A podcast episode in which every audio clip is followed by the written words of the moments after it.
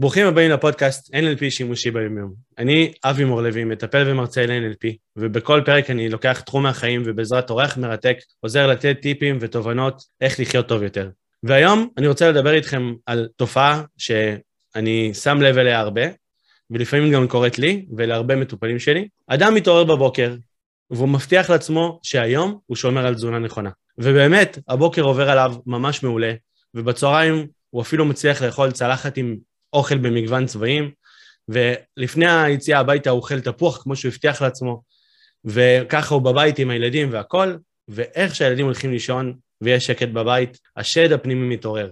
וברגע שהשד מתעורר, אז הוא ניגש למקרר, ואז חוזר לספה, לספה הולך למקרר, חוזר לספה, הולך למקרר. וככה הוא מוצא את עצמו ערב אחרי ערב, מנפח את הבטן לאט לאט, ובעצם אוכל בלי להבין למה הוא אוכל. וכדי לדבר על התופעה הזאת שנקראת אכילה רגשית, יש לי את הכבוד הרב לארח את אימי משקיט. אהלן אימי, מה שלומך? כיף שאת פה. תודה על ההזדמנות, תודה שהזמנת אותי. ולהגיד שאת uh, עובדת סוציאלית, שבאמת uh, מתמחה uh, בטראומות ובסטרס, נכון? וכרגע את במהלך התואר השני, כן. ואת מטפלת גם בחירה ב-SE, שזה בעצם החוויה הסומטית, שזה פסיכותרפיות של גוף ונפש, נכון. ואת מתמחה כאילו גם בנושאים של מערכות יחסים, משפחה, גם באכילה רגשית וגם בטראומות, שזה ככה השילוב אה, מאוד מרתק בין כולם. גם NLP, גם SE, גם עובדת סוציאלית וגם נמצאת במהלך ההכשרה של תואר שני, שזה במסלול של טיפול משפחה. מקסים, והיום אנחנו ככה רוצים לדבר על הנושא הזה של אכילה רגשית, ובאמת השאלה הראשונה שעלתה לי כשהכנתי את הפרק, שאלה אולי תמימה, אבל אם בן אדם יודע שאכילה של אוכל לא, מסוים לא בריא לו, או כמות של אוכל לא בריאה לו, ואפילו הבטיח לעצמו שהוא לא ייגע באוכל הזה. איך הוא מוצא את עצמו עוד פעם ועוד פעם מול המקרר? האמת זו שאלה מעולה, כי בעצם אתה מעלה לפה קונפליקט, קונפליקט של שני קולות, אוקיי? שמצד אחד אני רוצה לשנות איזשהו הרגל שיש לי, איזשהו הרגל אכילה, אמ, איזושהי, איזשהו משהו שפיתחתי לאורך השנים, שאני יודע שהוא מזיק לי, בהיגיון שאני מבין שזה לא עושה לי טוב, ואני בעצם עדיין עושה את זה. יש כאן איזושהי סתירה וחוויה של תקיעות. אפשר קודם כל לבדוק מה בעצם שני הצרכים האלה שמתנגשים באים לבקש ממך באמת. וכשמתחילים עם הבדיקה הזאת, אז בעצם מתחילים לחבר כל מיני חלקים שלא תמיד יש להם את הקול הראוי בתוך החיים שלנו, ואנחנו לא תמיד יכולים באמת לשמוע, לא פנויים לראות, ואז מתחיל איזשהו דיאלוג והעמקת ההיכרות שלנו עם עצמנו. זאת אומרת ששני החלקים שבתוכנו, חלק אחד רוצה נגיד להתנחם או, או לאכול כדי להרגיש טוב, וחלק שני שרוצה את הבריאות שלו, זה כאילו השני חלקים שלנו? האכילה היא לא תמיד כדי להרגיש טוב ולהתנחם. יש פעמים שאנשים אוכלים דברים שמזיקים להם כדי דווקא להגביר כאב, הם ממש מודעים לזה שעכשיו מה שהם עושים לא נעים להם, ועדיין עושים את זה, כי זה משרת משהו, וצריך לחקור רגע להבין מהו אותו הצורך שבא לידי ביטוי ברגע הזה. לעומת הצורך שלי בבריאות ולהרגיש שלמה ולהרגיש מחוברת ואוהבת ושזה סותר באותו הרגע. אז איך אפשר נגיד להגדיר אכילה רגשית אם אנחנו מגדירים את זה? זה בעצם קונפליקט בין חלקים בגוף? זה ההגדרה כאילו של... או איך היית מגדירה את זה לפי העולם שלך? לא מעניין מה שהבאת, לא חשבתי פעם לנסח את זה בצורה כזאת, אבל אכילה רגשית היא קודם כל הבנה שהמערכת יחסים שלנו עם אכילה היא, היא תמיד רגשית, לכולנו יש אכילה רגשית, אולי נתחיל רגע מהמקום הזה. גם לחיות, נכון? ג, תלוי, אם הן מבויתות כן, אבל, אה, אבל דווקא חיות בטבע יש להן את זה פחות, הם אוכלים הישרדותי, אוקיי? הם יכולים גם לאכול כמות מאוד מאוד גדולה למרות שהם לא רעבים, נגיד כמו נחשים, ולהעביר תקופה מסוימת מבלי לאכול, כי זה המנגנון הישרדות של הגוף שלהם. אבל בעצם אם אנחנו רגע חוזרים אחורה לשנייה הראשונה שיצאנו מבטן האימא שלנו, הקשר הראשון שלנו בעולם מתחיל להתבסס דרך אכילה. אז אצל כולנו הזנה היא גם רגשית. חלק מסוים מתוך זה הוא פיזיולוגי, ואם מפשטים את זה רק להיות ברובד הפיזיולוגי, בחלק הפיזיולוגי, אנחנו מפספסים את כל העולם, את כל מה שבעצם תוקע אותנו מלעשות את השינויים האלה, כמו לא לנשנש בערב אחרי שהילדים הולכים לישון, אנחנו מפספסים את כל העומק ואת ההזדמנות באמת להכיר את עצמנו. אני חושב שאת אומרת בעצם האוכל בא לטשטש מלהכיר את עצמנו, שזה מעניין, אבל אם נגיד אנחנו נמצאים בעבודה שלא טוב לנו בה, ואם אנחנו נגיד קשרים זוגיים שלא טוב לנו בהם, ואם הילדים מוציאים לנו את הנשמה, ואנחנו שורדים את היום, ואין לנו כסף לקנות את האוטו שאנחנו רוצים ואת הבית שאנחנו רוצים, ועכשיו את כאילו אומרת בואו נכיר את עצמנו, אז זה נראה לי כאילו משהו שנורא קשה לעשות, להתחיל לראות את כל הדברים האלה, לא? כאילו... ברגע שהנפש זועקת, תראה אותי, והיא עושה את זה דרך הנשנושים האלה, או ההתקף אכילה, או הבולמוס, או לא משנה איזה דפוס זה, זה רגע שהנפש אומרת אל תוותר עליי, יש כאן בקשה לדייק משהו בחיים, וזאת הזדמנות באמת ליצור את החיבור הזה עם עצמנו ולראות מה, מה באמת מבקש יותר מקום. אם לא טוב לי בעבודה, כי אני מרגיש שהבוס לא מעריך אותי, או שאני לא באמת מגשימה את עצמי דרך המשרה הזאת, ואני לא נותנת לזה מקום בחיים, אני לא מחפשת משרות אחרות או לא ממשיכה במסלול לימודים אחר, אני נשארת תקועה במקום הזה, הנפש שלי לא תוותר עליי, זה סוג של um, כוח כזה שיש בתוכי שלא מוכן לוותר על השלמות שלי, שרוצה עוד להתפתח ועוד לדייק את, את, את, את, את החיים שלי. אז אם אני בוחר להמשיך ולהתעלם, הפוקוס שלי יהיה על האכילה. למה אין לי מוטיבציה, אין לי כוח רצון, אני עצלן, אני אתחיל את כל הלופ של ההלקאה העצמית. אבל אם אני רגע מבין שהדפוס שפיתחתי הוא בעצם המרחב שלי להתבוננות ולפגוש את עצמי, זכיתי פעמיים. גם יש לי הזדמנות באמת להפריד בין הדפוס לבין מי שאני, ולא להיתקע בתוך השיפוטיות של מי אני, שאני אחשוב שאני עצלן וחסר מוטיבציה, וגם אני זוכה לבחון מה באמת לא יושב טוב. אם זה הזוגיות, אם זה העבודה, אם זה משהו במערכת יחסים שלי עם הילד שלי, רגע לטפל בעניין עצמו, להעביר את הפוקוס למה שבאמת מבקש מקום. זה, אני הבנתי לגמרי את ההסבר, ומילה אחת שאמרת, אה, נו, כאילו הקפיצה אותי, אה, כי אמרת, אה, יש לנו את הבחירה לא לגשת לאכילה רגשית, אלא להתבונן יותר על עצמנו. ואני כאילו, ישר כאילו עלתה לי המחשבה שאמרה, רגע, האם באמת יש לנו בחירה? האם נגיד זה שאני יושב בערב מול הטלוויזיה ורואה איזושהי סדרה, ופתאום הגוף מעצמו משייט לו לכיוון המקרר ומביא איזשהו חטיף, או לא יודע אפילו מה. האם זה באמת עניין של בחירה? האם כאילו, כי, כי לפעמים זה מרגיש קצת חוסר אונים מול הדבר הזה. אני לא בטוח שזה כאילו תמיד עניין של... אה, או, או לפחות כאילו, אולי אני לא מודע שיש לי בחירה, אני לא שם לב אליה אפילו. אז אולי זו שאלה יותר גדולה של מהי בחירה, ויש דברים שאפשר לעשות ברגע עצמו, שהדפוס מתחיל, ויש דברים שאפשר לעשות לא בשעת חירום. אם נדמה את זה רגע למלחמה, הולכים לממ"ד במלחמה, אבל מתרגלים את זה לא בשעת מלחמה, כדי שנדע לעשות את זה בצורה יותר טובה. אז אותו דבר, נגיד אם, אם הדפוס הוא, הוא נשנשות בערב כמו שאתה הבאת, אז זה רגע להכיר בדפוס. זה להבין רגע איך אני פועל, אוקיי? אני יודע שבמצבים מסוימים הדפוס הזה מתעורר. אז אני, ברגע שהדפוס מתעורר, אני, השלב הראשון, אולי זה הכלי שאני יכולה ככה להביא לפה, זה רגע להזמין את עצמי להתקרקע, אוקיי? אם אנחנו רגע מדמים את זה למקום, באמת אם יש את האלמנט של החוסר אונים, זה קצת דומה ל...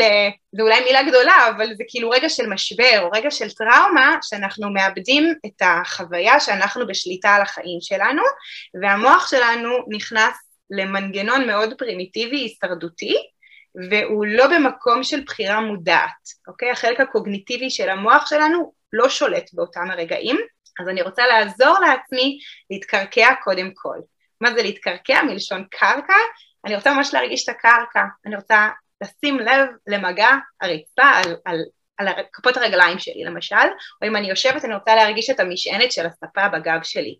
אני רוצה להרגיש פיזית איפה אני נמצאת, אוקיי? אז קודם זה התקרקעות, mm-hmm. אני יכולה גם לעזור לעצמי ולהסתכל מסביב, לא יודעת, לבחור חמישה דברים בצבע כחול, אוקיי? ברגע שאני מזהה את הדפוס מתחיל, אני מתקרקעת, סופרת חמישה דברים בצבע כחול, אומרת לעצמי, אוקיי, אני כאן, בסלון, בבית שלי, מה קורה עכשיו?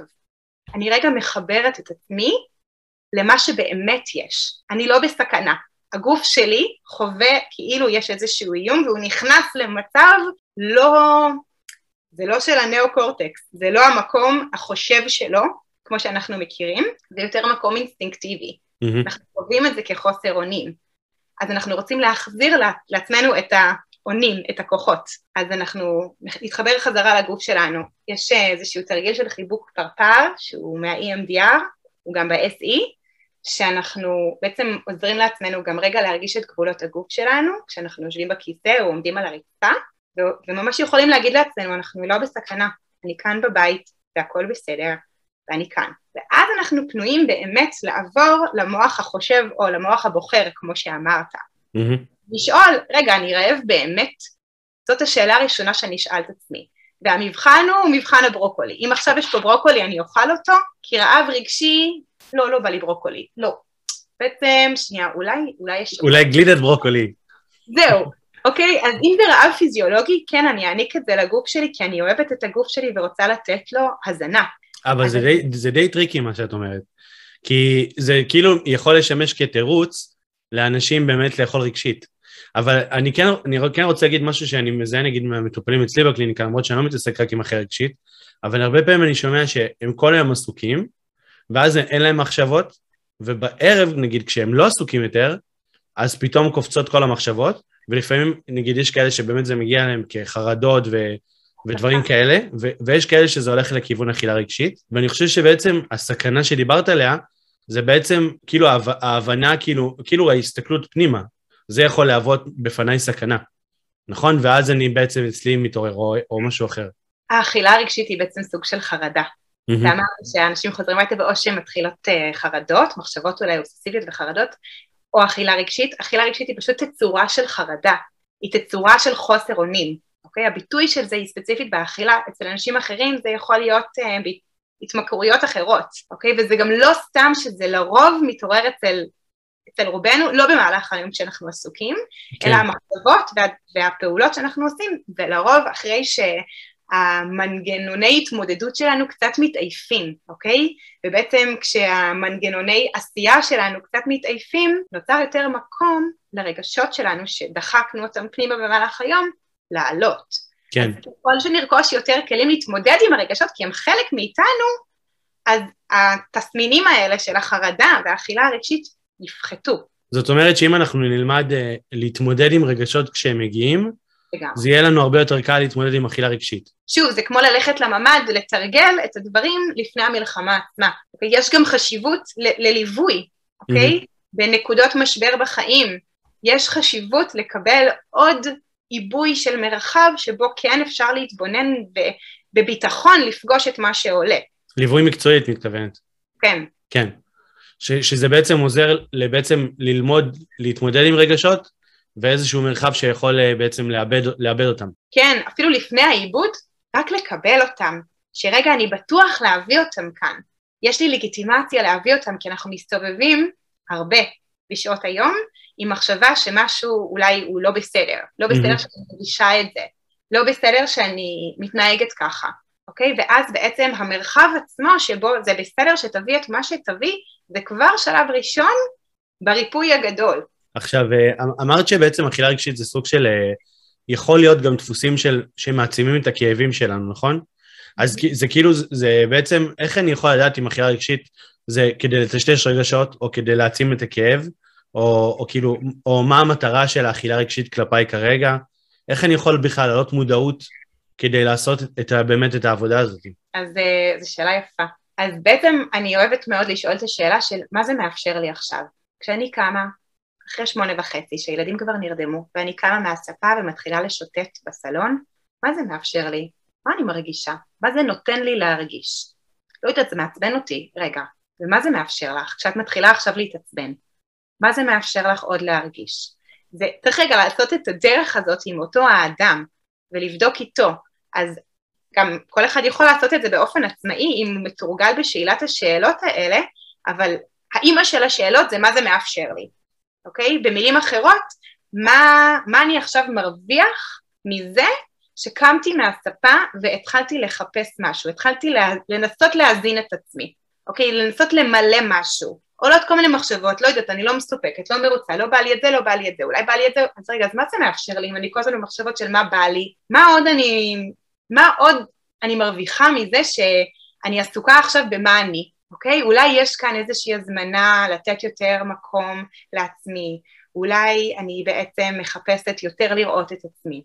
אם זה מה שמתאפשר לי, מתאפשר לי שם במקום הזה מרחב שבו אני מנסה לראות את עצמי, זאת הכוונה החיובית, אוקיי? יש שם איזשהו צורך לתת לעצמי יותר מקום, אמנם בפועל אני מכאיבה לעצמי, אוקיי? יש איזשהו מחיר לאותו דפוס שפיתחתי, אבל אני רוצה להעביר את הפוקוס לצורך שלי שמתבטא דרך הדפוס. כן. אז משם אני יכולה בעצם להיפתח בפני דרכים חדשות, כי אני יכולה בעצם לראות איך אני כבר בתוך החיים שלי כן נותנת לעצמי מקום בצורה שגם הולכת יד ביד עם אותה מטרה שאני אהיה מאושרת או מלאה או בריאה ומסופקת. את יודעת, הם גם, כמו מקודם, כאילו מילה אחת שאמרת ככה הקפיצה אצלי הרבה מאוד אסוציאציות. אמרת את המילה בא לי, כאילו, נגיד כשאת שאלת, כשמישהו, נגיד, קם מהספה לאכול רגשית, בוא נניח, בכלל, לאכול משהו שבא לו בערב, כאילו, נניח שהוא יזכור לשאול את עצמו את השאלה, למה אני אוכל? אני, כאילו, כאילו התשובה הראשונה שלי קפצה, זה כאילו... אני עוצרת אותך, אבל לא למה אני אוכל, זה חשוב... מה זה מאפשר לי? כי למה זה פשוט שאלה שפונה כן. להיגיון שלנו. כן. מה זה מאפשר לי ברמה הרגשית? כן, בדיוק. זה, הבדל ממש חשוב. טוב ששאלת את זה, כן. כי, כי אנחנו רגילים נורא לשאול את עצמנו לוגית. כן. למה אני עושה את זה? כי אני עצלן, זה למה. ואז כן. אני, אכנס ללופ. עכשיו, כשאני שואל נגיד מה זה מאפשר לי, כי הדבר הראשון שעלה לי כשאמרת את זה, זה כי בא לי.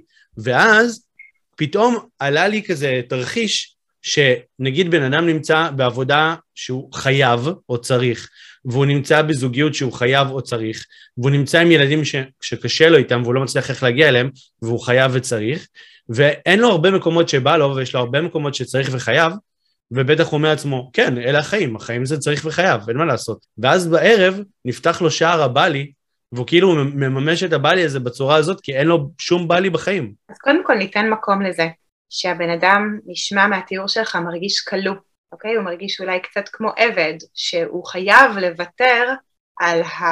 על עצמו באיזשהו מקום. להיות, כן, על ה... כאילו, עולה לי המילה יצר ממקום של יצירה, כאילו יצר ממקום של um, כוחות החיים שלי. אני מוותר על זה, אני מדחיק את כל זה, מצמצם את זה כדי להתאים את עצמי לצרכים של הבוס, לצרכים של האישה, לצרכים של הילדים, ואיפה אני בתוך כל זה. אז זה בעצם מה שהאכילה הרגשית שלו בערב באה לומר לו. אז קודם כל לתת מקום לכאב הזה, שהוא לא מרגיש שהוא יכול במרחבים האחרים של החיים שלו להביא את עצמו. אני חושב שהרבה אנשים לא, לא רוצים להרגיש כאב, הרי הם בורחים מכאב. אה, זה הנטייה שלנו כבני אדם, ובגלל זה אנחנו גם לא רוצים להרגיש את הכאב הזה בספה בערב, אנחנו רק רוצים לחדש כוחות למחר. אם, אם כאילו, אם היה לנו כל היום קשה ובערב עוד נשב ונבכה על גמר גורלנו, אז מה נשאר מהחיים שלנו? אני חושבת שזה הפרדוקס הכי מרתק, אוקיי? אנחנו רוצים להימנע מכאב מקומי, מתוך איזשהו, איזושהי מחשבה שאנחנו, אם אנחנו נימנע מהכאב המקומי, אז יהיה לנו הרבה יותר קל ליום הבא לעבור את הכל. אבל אם אנחנו ממוקדים בכאב המקומי הזה, ולא מגדילים את הזום רגע לתמונה הגדולה, אנחנו מפספסים את כל המטרה. כי אנחנו, יש כאבים שעלינו לפגוש כדי להתפתח, בהכרח. אם אתה מסתכל רגע על הילדים שלך הפרטיים ואתה נזכר בשלבים הראשונים של ההתפתחות שלהם, אב תינוק לא אוהב ששמים אותו על הבטן. אתה מטיים הזה ששמים אותו על הבטן, הם מרימים את הראש ככה, הכתפיים מתעייפות, הם מתחילים להתערן, זה לא כיף להם, אבל זה חובה כדי לבנות את, את חגורת הכתפיים ולהכין אותם לקראת התהפכות ולקראת התגלגלו, אה, אה, זחילה ולקראת הליכה, וזה שלב קריטי בהתפתחות. המפגש עם כאב, שגם יש בו תקווה, כן? כאילו זה לא כאב בקטע של עכשיו סבל, אלא תסכול או איזשהו קושי, עם, עם הבנה שזה, שזה לטוב הגדול שלנו. אז, אז זה מוקד של התפתחות, זה מרחב שאני כן אשאף להיות בו למרות שלא נעים לי בו.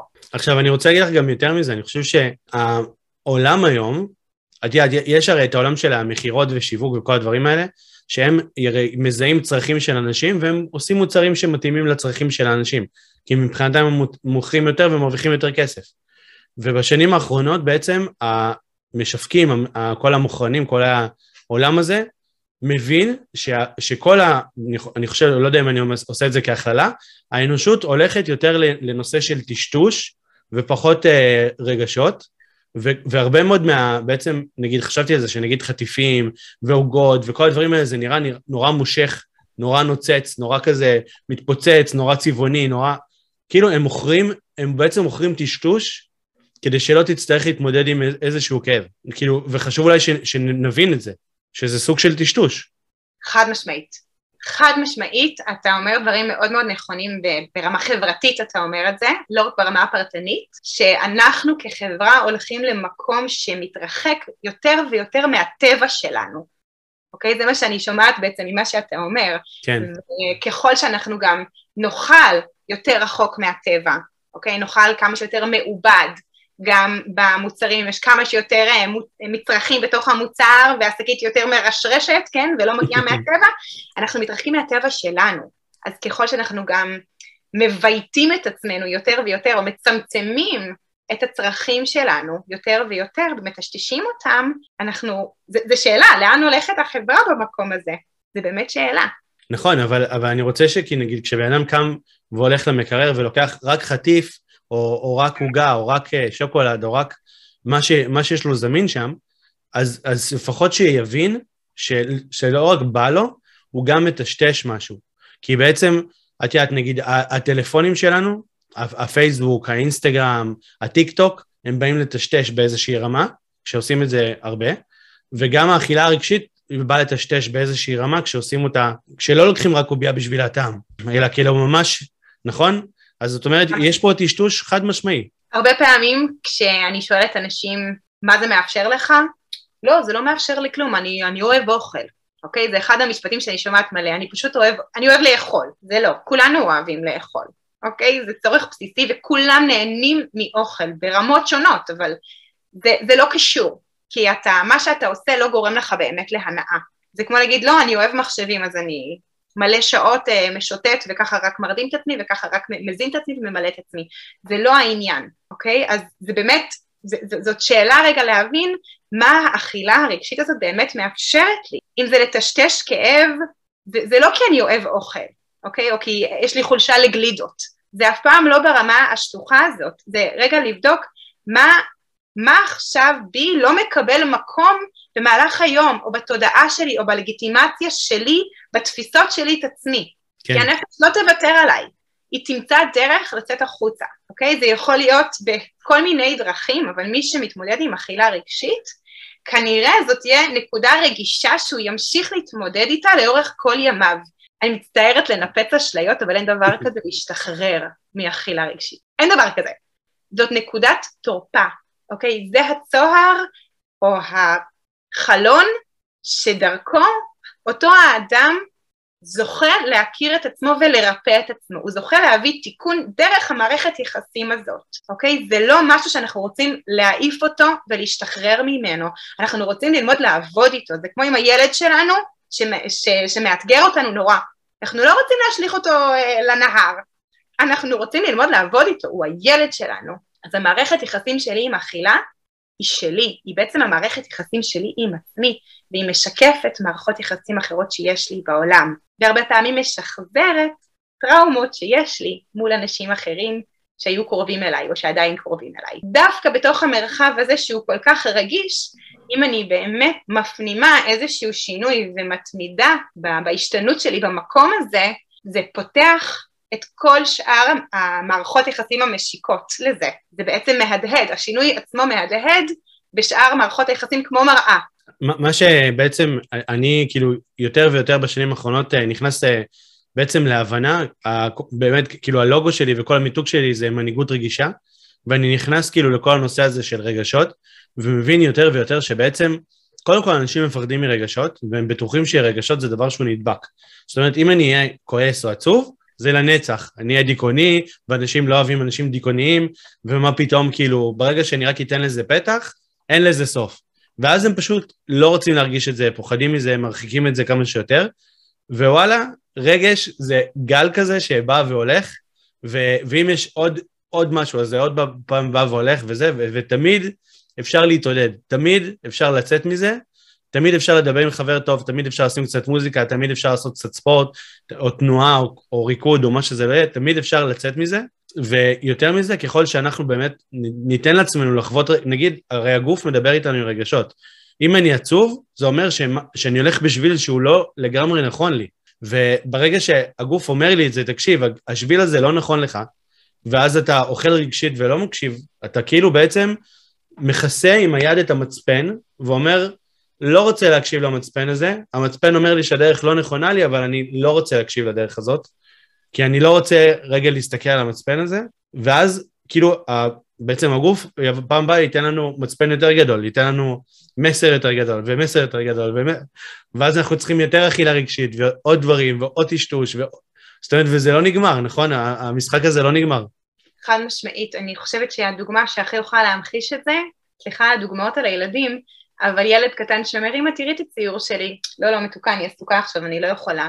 אבל היא לא תוותר, הרי יש לה צורך במקום, היא צריכה לקבל מאימא תשומת לב ולדעת שאימא רואה אותה, אז היא תגיד את זה כל פעם יותר ויותר חזק, אולי היא תמשוך בשערות של אחותה, אולי היא תתחיל לצרוח, אולי יברח לה פיפי, היא תעשה משהו שאני לא אוכל להפסיק ולהתעלם ממנה בגללו.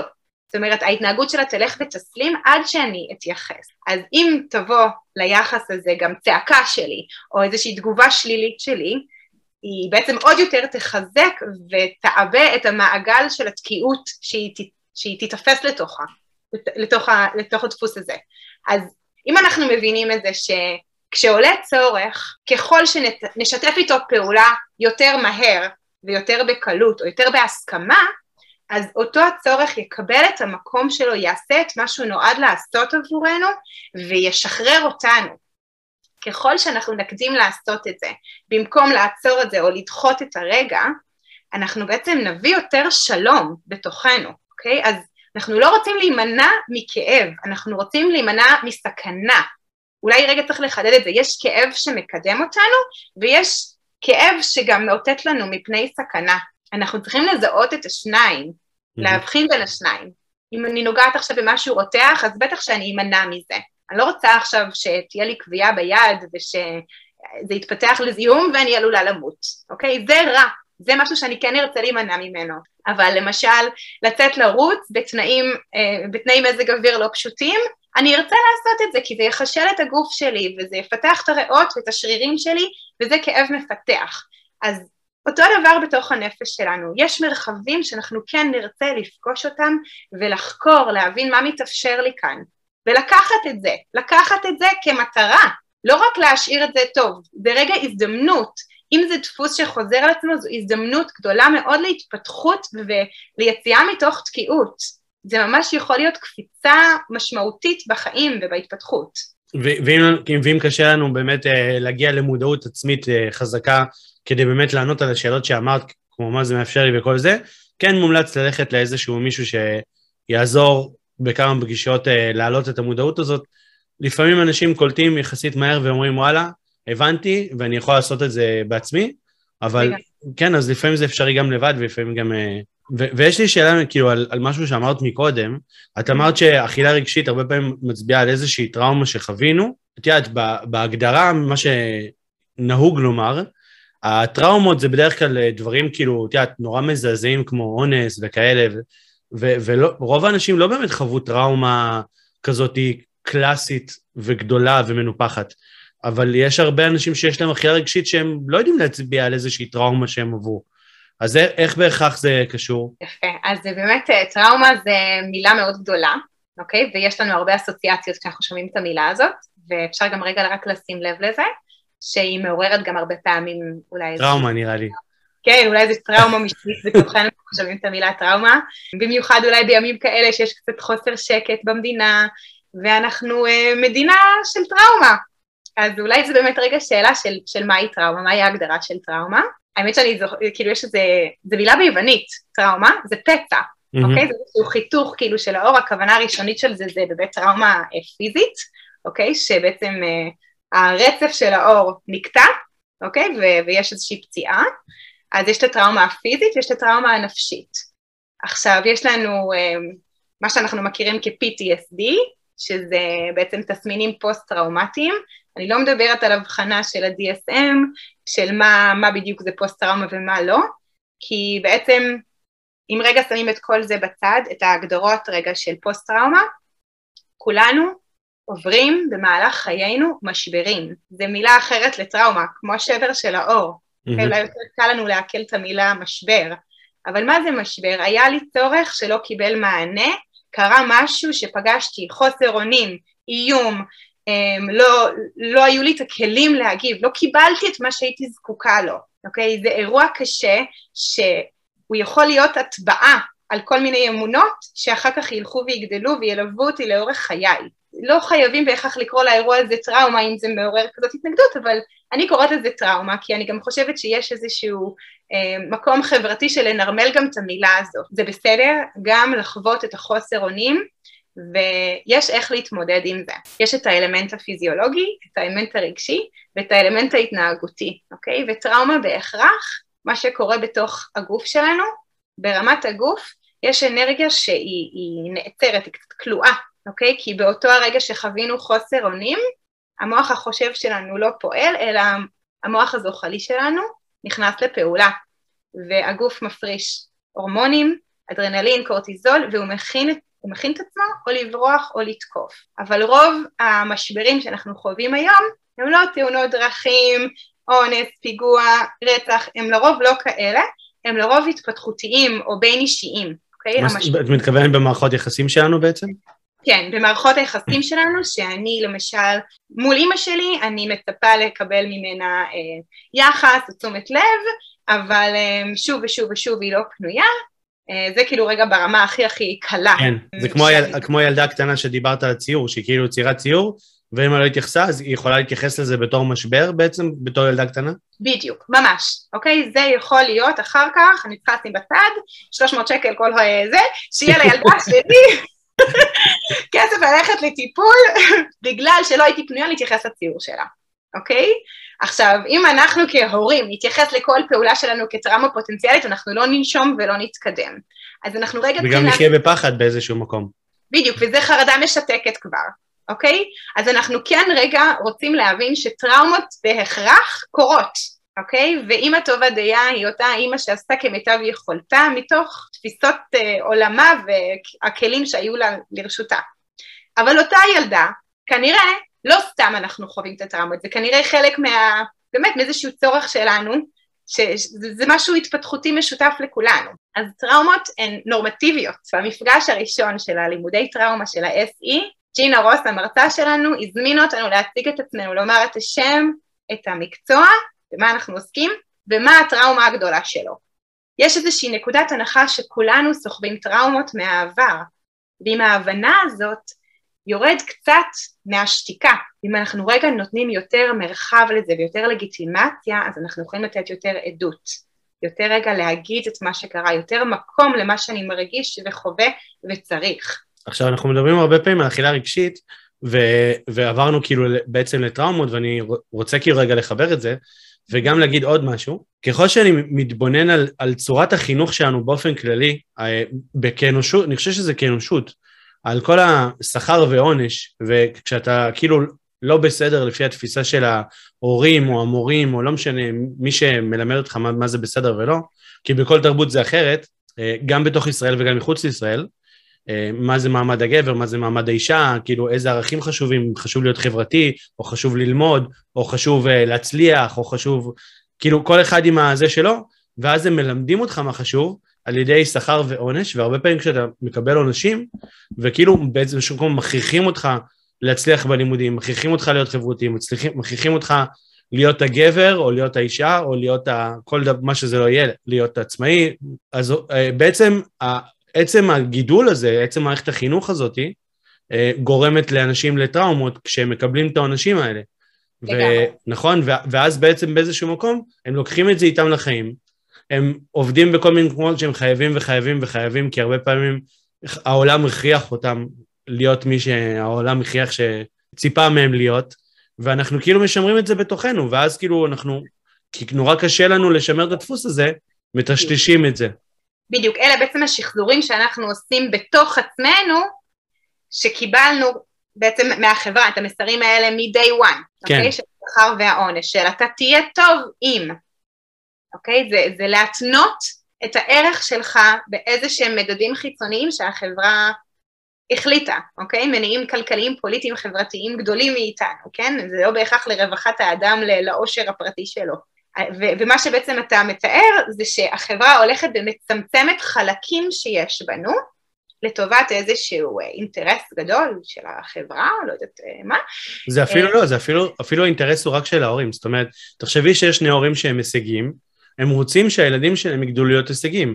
אם יש הורים שהם נורא חברותיים ונורא חשוב להם החברים שלהם וה, והחברותה, אז הם יגדלו ילדים שיהיו מאוד חברותיים.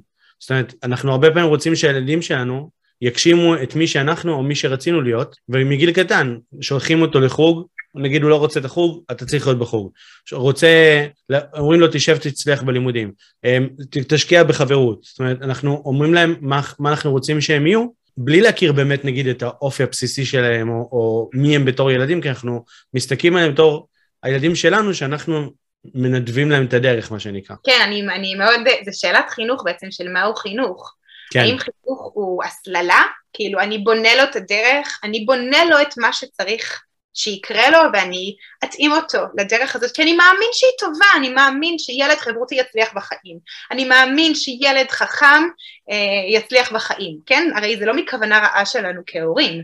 ההפך, רק שיצליח, רק שכן, בדיוק. אנחנו חושבים בדיוק, מהו חינוך? זאת השאלה, אני חושבת. ואם אנחנו מאמינים שחינוך הוא, הוא להכווין את הילד, אוקיי? שאולי זה מה שהחינוך הסטנדרטי בישראל עושה, זה אנחנו מקבלים אנשים שהם לא מכירים את כל החלקים שלהם, מטשטשים, מצמצמים ולא פוגשים בעצם את כל מי שהם, אוקיי? זה, זה, זה מחיר שאנחנו משלמים בצורת חינוך כזה. אז, אז אולי נתחיל לדבר בעצם על, על אוקיי, אז הבנו שאנחנו אוכלים רגשית הרבה מאוד פעמים, ואגב, זה לא רק לאכול רגשית, זה גם לשתות כל מיני אלכוהול ו- ולהיות בטלפונים יותר, כל, לקנות הרבה דברים שאנחנו לא צריכים, לנקות בצורה אובססיבית, זאת אומרת, כל דבר שהוא בעל אופי התמכרותי כזה, הוא בא לטשטש בעצם את מה, שקור... את מה שלא טוב לנו בעצמנו כרגע, ו- ואני הייתי נורא שמח שנקדיש ככה את החלק האחרון לדבר על, על בעצם, אז איך יוצאים מזה? מה, כאילו, איך, איך, איך משפרים את החיים שלנו? הבנו שמטשטשים, לא רוצים לטשטש יותר, מה הלאה? אוקיי, okay, אז קודם כל, אנחנו הרבה פעמים, זה קצת יותר מורכב מזה, כי אנחנו הרבה פעמים מאמינים שאנחנו הדפוס שלנו, אוקיי? Okay? שאם אני אוכלת בערב ומנשנשת, אני אחשוב שאני עצלנית, והדבר הזה ילווה אותי לתוך כל החיים שלי. אז אולי שלב ראשון זה באמת לומר, אני לא הדפוס הזה. אני לא, אני לא ההתנהגות הזאת, אני לא הנשנשנית, אני לא העצלנית, אני רגע אצור מחיצה במקום הזה. אולי זה באמת רגע משהו שהוא מהותי. אני לא זה, אני אדם שלם, שכנראה דרך הדפוס הזה לא קיבלתי מענה למה שאני צריכה. אני רוצה רגע לחדד את מה שאמרת, okay. אוקיי. ואפילו לחזק את זה, כי אני חושב שזה משהו שהוא נורא נורא מהותי. בעצם, אנחנו מתנהגים בצורה מסוימת, מצד אחד, ומצד שני, יש את מה שאנחנו חושבים על מי אנחנו, על הזהות שלנו, ובעצם זה מתערבב, דברים שאני עושה הופכים להיות מי שאני, וזה לא בהכרח שמה שאני עושה זה מי שאני. עצם העובדה שאני גם לא עושה את זה כל הזמן, רק מוכיח שזה לא מי שאני. Uh, הרבה פעמים בן אדם אומר, אני דחיין, אני עצלן, אני פחדן. לפעמים, כאילו מי שישב אצלי בקליניקה והוא אמר לי, אני חסר ביטחון. ואמרתי לו, אתה בטוח שאתה חסר ביטחון? הוא אמר לי, אני חסר ביטחון, אתה לא רואה? ואמרתי לו, בכמה ביטחון אתה בא ומספר לי שאתה חסר ביטחון? זה פשוט מדהים. איך החלק שלך עם הביטחון מראה, אומר שאתה חסר ביטחון. אז זה לא מי שאנחנו, זה דפוס התנהגות שהוא חלק מאיתנו כרגע, ואפשר כאילו להתמודד איתו, נכון? זה, זה בעצם מה שאמרת. לגמרי, זה בעצם להפריד ביני לבין הדפוס עצמו, ואז לשאול את עצמי מה אני רוצה. אולי באמת זו שאלה שכן צריך לתת את הדעת ואת המרחב, למה מה בעצם אני רוצה, לאן אני רוצה להגיע, באמת ליצור איזושהי מטרה, ולא להתבלבל בין המטרה לתוצאה. הרבה פעמים אנשים שבאים לטפל באכילה רגשית אומרים, נמאס לי להיות שמן, אני, החלום שלי זה להיות רזה, החלום שלי זה להצליח ולקנות בבגדים, ב, ב, בחנויות רגילות, לקנות בגדים.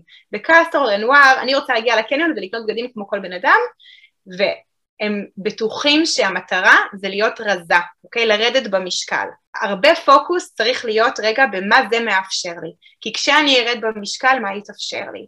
וזאת המטרה, אוקיי? החוויה הזאת, אני רוצה להרגיש בריאה וחזקה ומסוגלת ובטוחה בעצמי ואוהבת את מה שאני, אוקיי? לא רק את מה שאני רואה, אוהבת את מה שאני גאה בעצמי, מרגישה מסופקת, מלאה, זה להגדיר איזושהי מטרה באמת שהיא מדויקת למי שאני, ואז להתחיל ולבנות את הדרך לשם, לראות מה יקרה, שכשהוא יקרה אני אדע שאני בדרך לשם ומה אני צריכה מה עוד מזמין אותי להתבוננות, מה, איזה מרחבים בחיים שלי עכשיו אולי תקועים, מה צריך להפשיר, כן, אם אנחנו מחברים את זה רגע לעולם הטראומה, משהו תקוע, אוקיי? אחד האלמנטים של טראומה זה קיפאון, שמשהו נתקע, אוקיי? בעוד שבתנועה, כשהכול זורם, זה מאפיין ריפוי. אוקיי? הכל בסדר, כשהכל זורם, הכל סבבה, אבל תקיעות זה באמת אלמנט של טראומה. אז אנחנו רוצים לראות איפה התקיעות נמצאת בחיים שלנו, ולהתחיל ולהפשיר את החלקים שהוקפאו, לראות רגע מה, מה, מה צריך שם.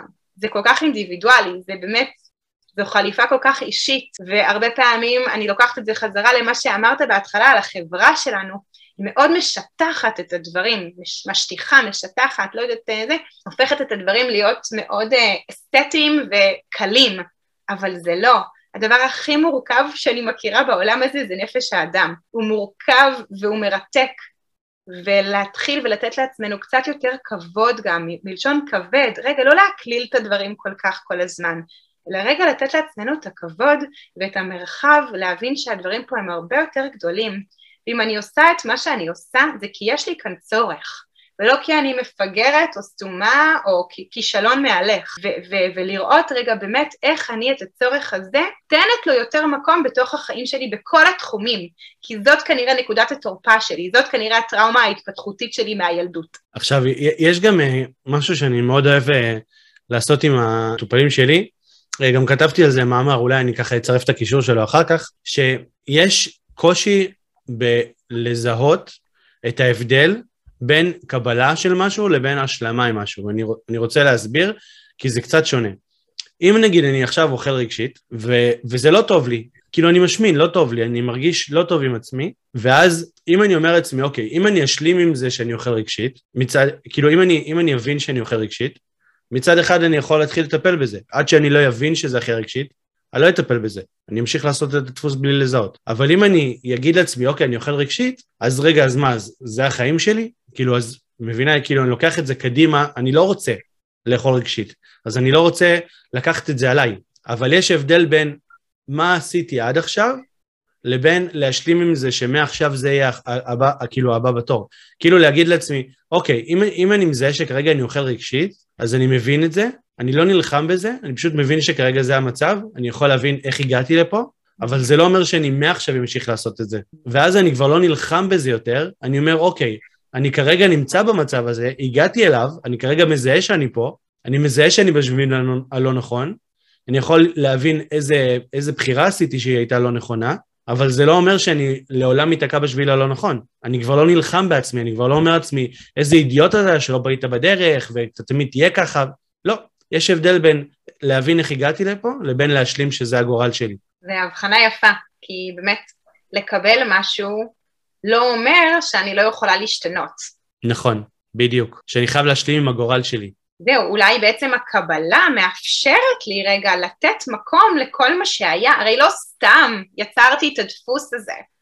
רגע לכבד את מה שהנפש שלי יצרה פה, ומתוך זה אני מתחזקת, אני פוגשת את הכוחות שלי, ומשם אני יכולה באמת לייצר שינוי, אני יכולה לזוז.